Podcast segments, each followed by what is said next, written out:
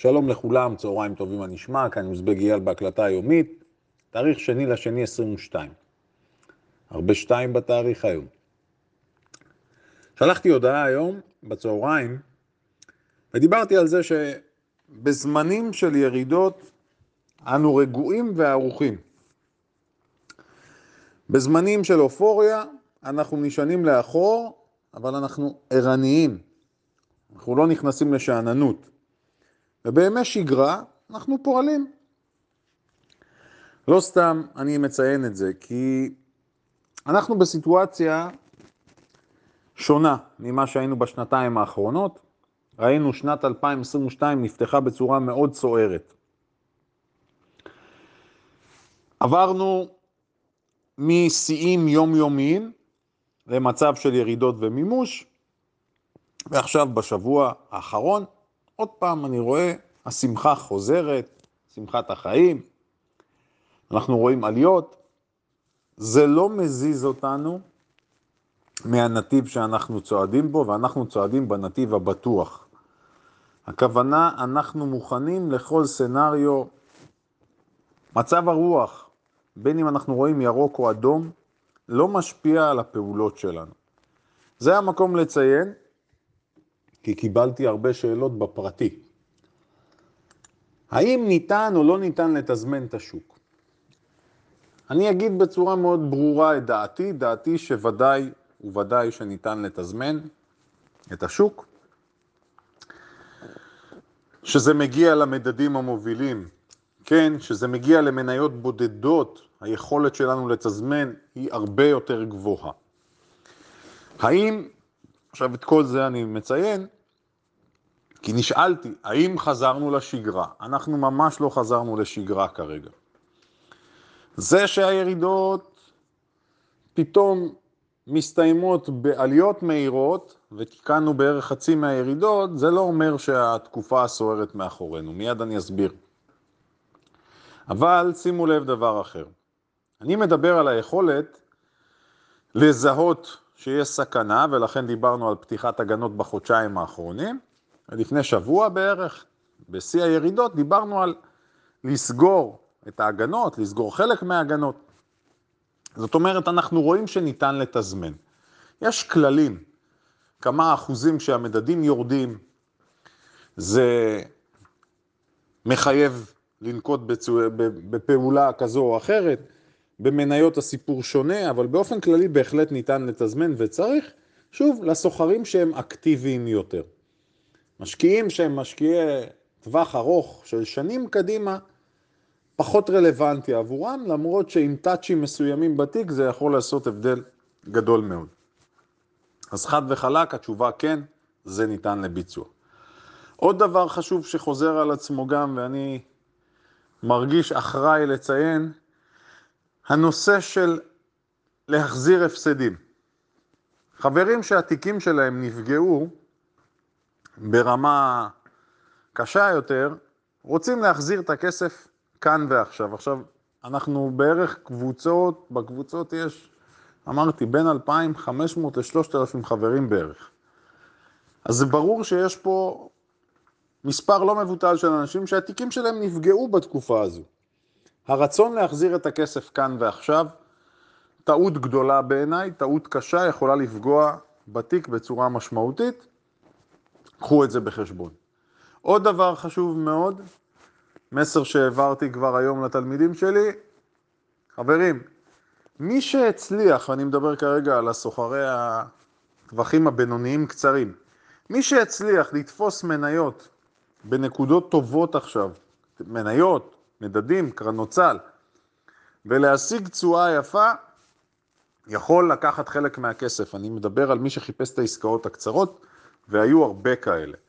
תחשבו על זה, כי בסופו של דבר, מבחינת מקרו, אנחנו עדיין בתנאים שהם שונים לחלוטין מהשנתיים האחרונות. והנאום של פאוול, שסך הכל היה לפני שבוע וקצת, אנחנו לא שכחנו מה הוא אמר.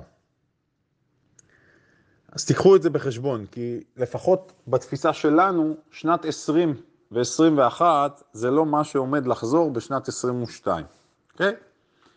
אז אחרי ההקדמה הזו, בואו נדבר כרגע על השוק. גוגל מפרסמת דוחות אתמול, למעשה מפציצה, עולה יותר מעשרה אחוזים עכשיו, ונסחרת ב-high all time.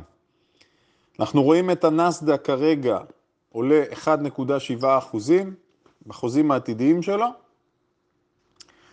ולכן אמרתי שיש פה תיקון משמעותי.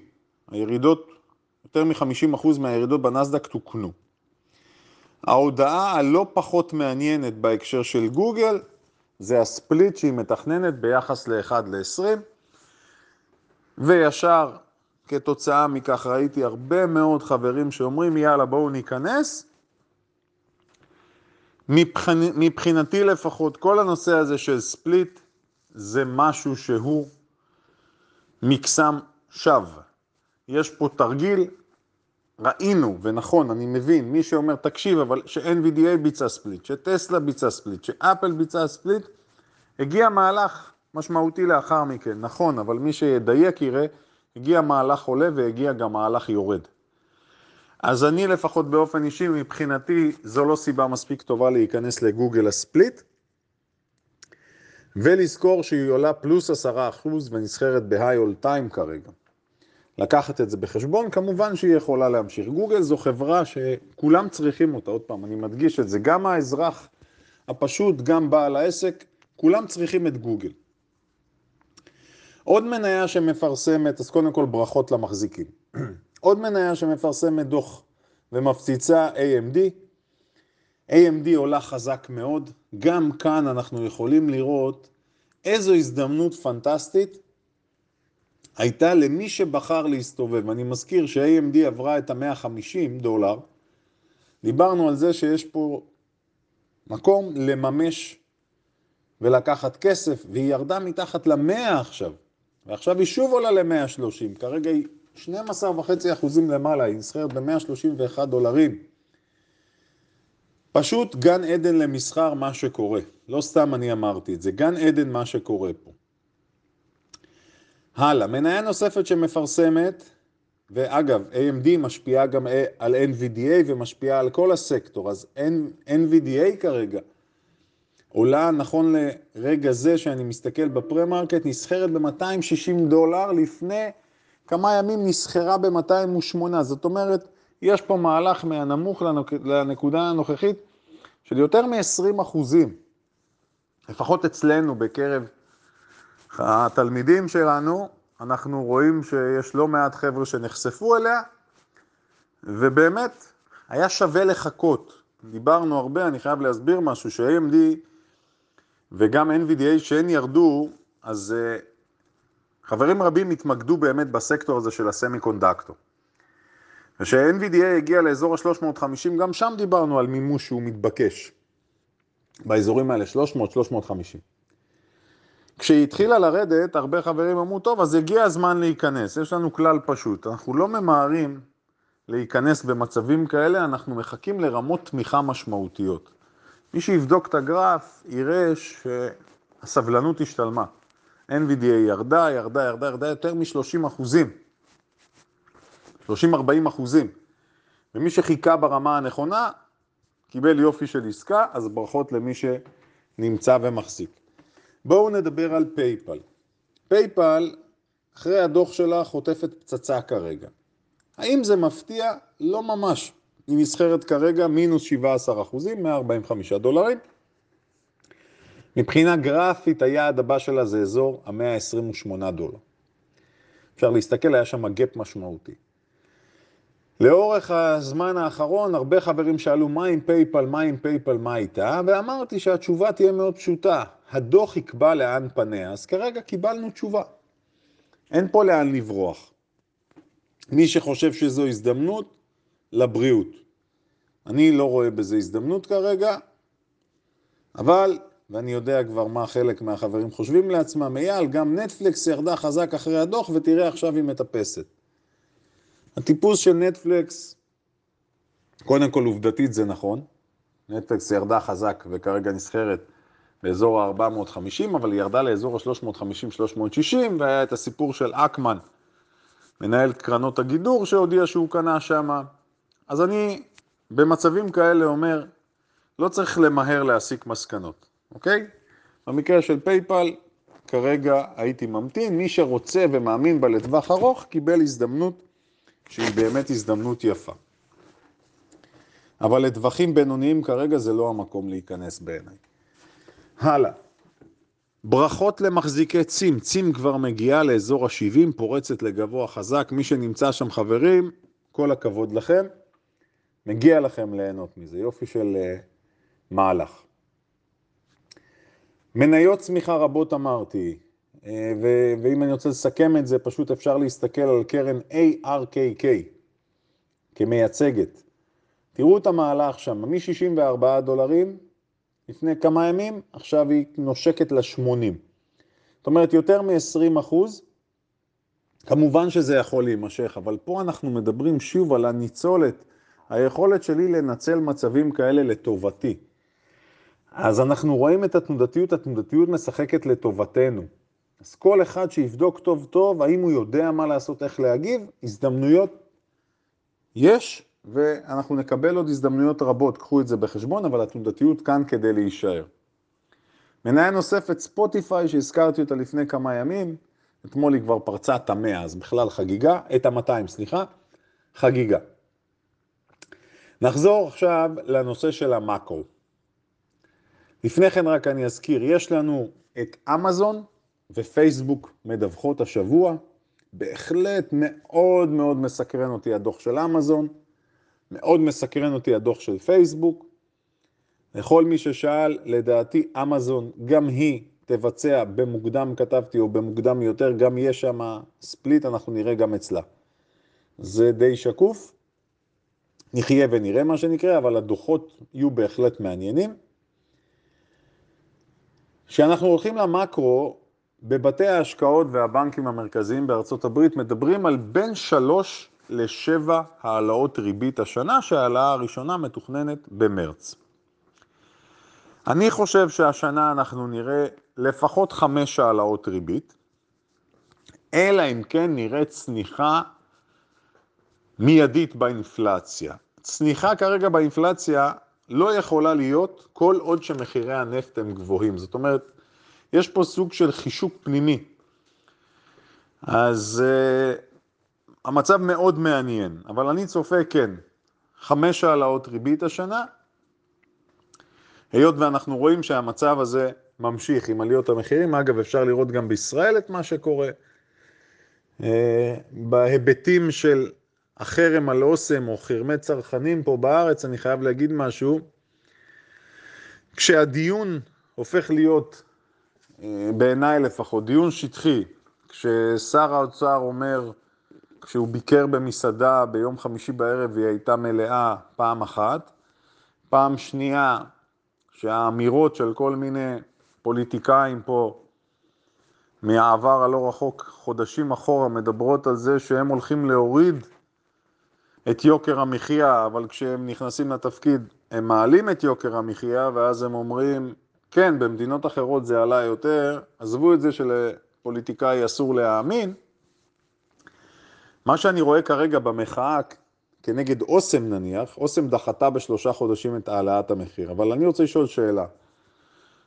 אם אני מסתכל בסדרי העדיפויות שלנו ובחשיבות, אותה פסטה שעולה חמישה או שישה שקלים, ויש לי אלטרנטיבה לרכוש אותה בשניים וחצי או בשלושה שקלים, נכון שזה משפיע על הסל של הקניות שלי, אבל איפה הדיור, חבר'ה? מחירי הדיור פה עלו ב-11% בשנה.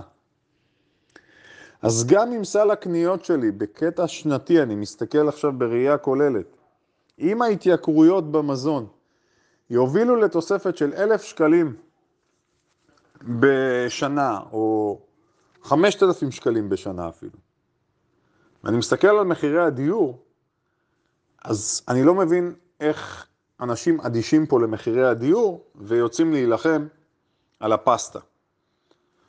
אה, יש לי הסבר לזה, כן? ההסבר הוא שלרוב האנשים יש דירה או שהם משקיעים בעצמם, אוקיי? אבל זה משהו שהוא בהחלט מצריך חשיבה, מדוע אנחנו אדישים לסיפור של הדיור, אבל יוצאים להילחם על השלושה שקלים של הפסטה. סיפור. אז כמו שזה קורה אצלנו, זה יקרה גם במקומות אחרים, וכשאנחנו מדברים על ארצות הברית, שם הסיפור אפילו חריף יותר. עוד דבר ששוב עולה, הסיפור של רוסיה ואוקראינה. אז תראו, אנחנו לא יודעים מה יהיה שם, אבל אני חושב שההכרעה תגיע בשבועיים שלושה הקרובים. אז אם יקרה משהו, צריך לקחת את זה בחשבון. לכן אני עוד פעם אומר, אם העלייה הזו כרגע, שאנחנו רואים את התיקון בשוק כלפי מעלה, זה לא מרשים אותי יותר מדי, אוקיי? זה לא מרשים אותי יותר מדי. אני נאמן למה שקורה. לא חשבתי שתהיה מפולת, אני גם עדיין לא חושב שתהיה מפולת, אבל אני כן מתייחס בזהירות למה שקורה. עוד משפט על הסיפור הזה של אה, רוסיה וארצות הברית. צריך ללכת קצת אחורה, ניכנס רגע לשיעור היסטוריה קצר. ארצות הברית, קצת לפני מלחמת העולם השנייה ותוך כדי למעשה, מקימה את פרויקט מנהטן. פרויקט מנהטן זה הפרויקט הגרעיני ממשלת ארצות הברית למעשה מחליטה להיות הראשונה שתצליח להגיע לנשק גרעיני. היה לנו גם את uh, הגרמנים בסיפור במרוץ הזה, והיה לנו גם את הרוסים, ברית המועצות בזמנו בסיפור הזה. אבל בסופו של דבר ממונה על הפרויקט הזה בחור בשם אופנהיימר.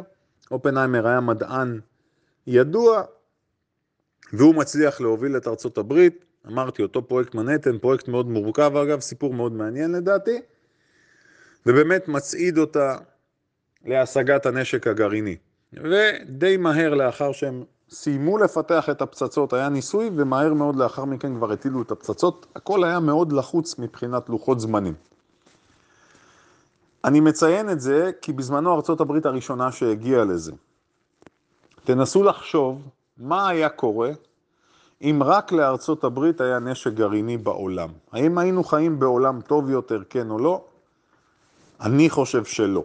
זאת אומרת, עם כל הכבוד שיש לי לארצות הברית, אני חייב לציין, אני לא סומך עליהם. מדוע אני לא סומך עליהם?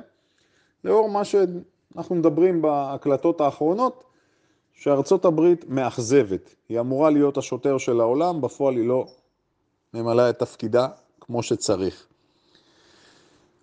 אני הזכרתי את פרויקט מנהטן, כי באותה תקופה, קצת אחרי, דובר על זה שזוג, זוג מרגלים, מי שמכיר את הסיפור, הזוג רוזנברג, למעשה מארצות הברית העבירו לרוסיה, לברית המועצות, העבירו הרבה מאוד מסמכים שקשורים ואומרים שבזכות זה גם הרוסים הצליחו לפתח פצצת אטום.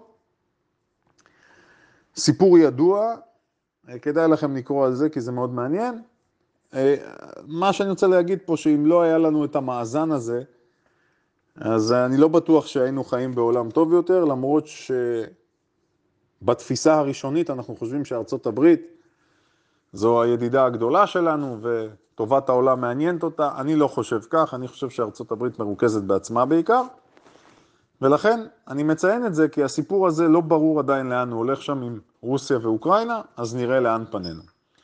בכל מקרה, שיהיה לנו יום מסחר מוצלח ומהנה, קחו בחשבון שאנחנו בעיצומה של עונת הדוחות. הרבה מאוד גפים, סוחרי הגפים שביניכם, תזכרו שצריך לדרג את הגפים ולעבוד לפי טכניקה ברורה, לא לנסות לעבוד בשלוף. באופן עקרוני עדיף לסחור עם כיווני הגפ ולא נגדם, אני אנסה לפרט על זה מחר. מסחר מוצלח ומהנה.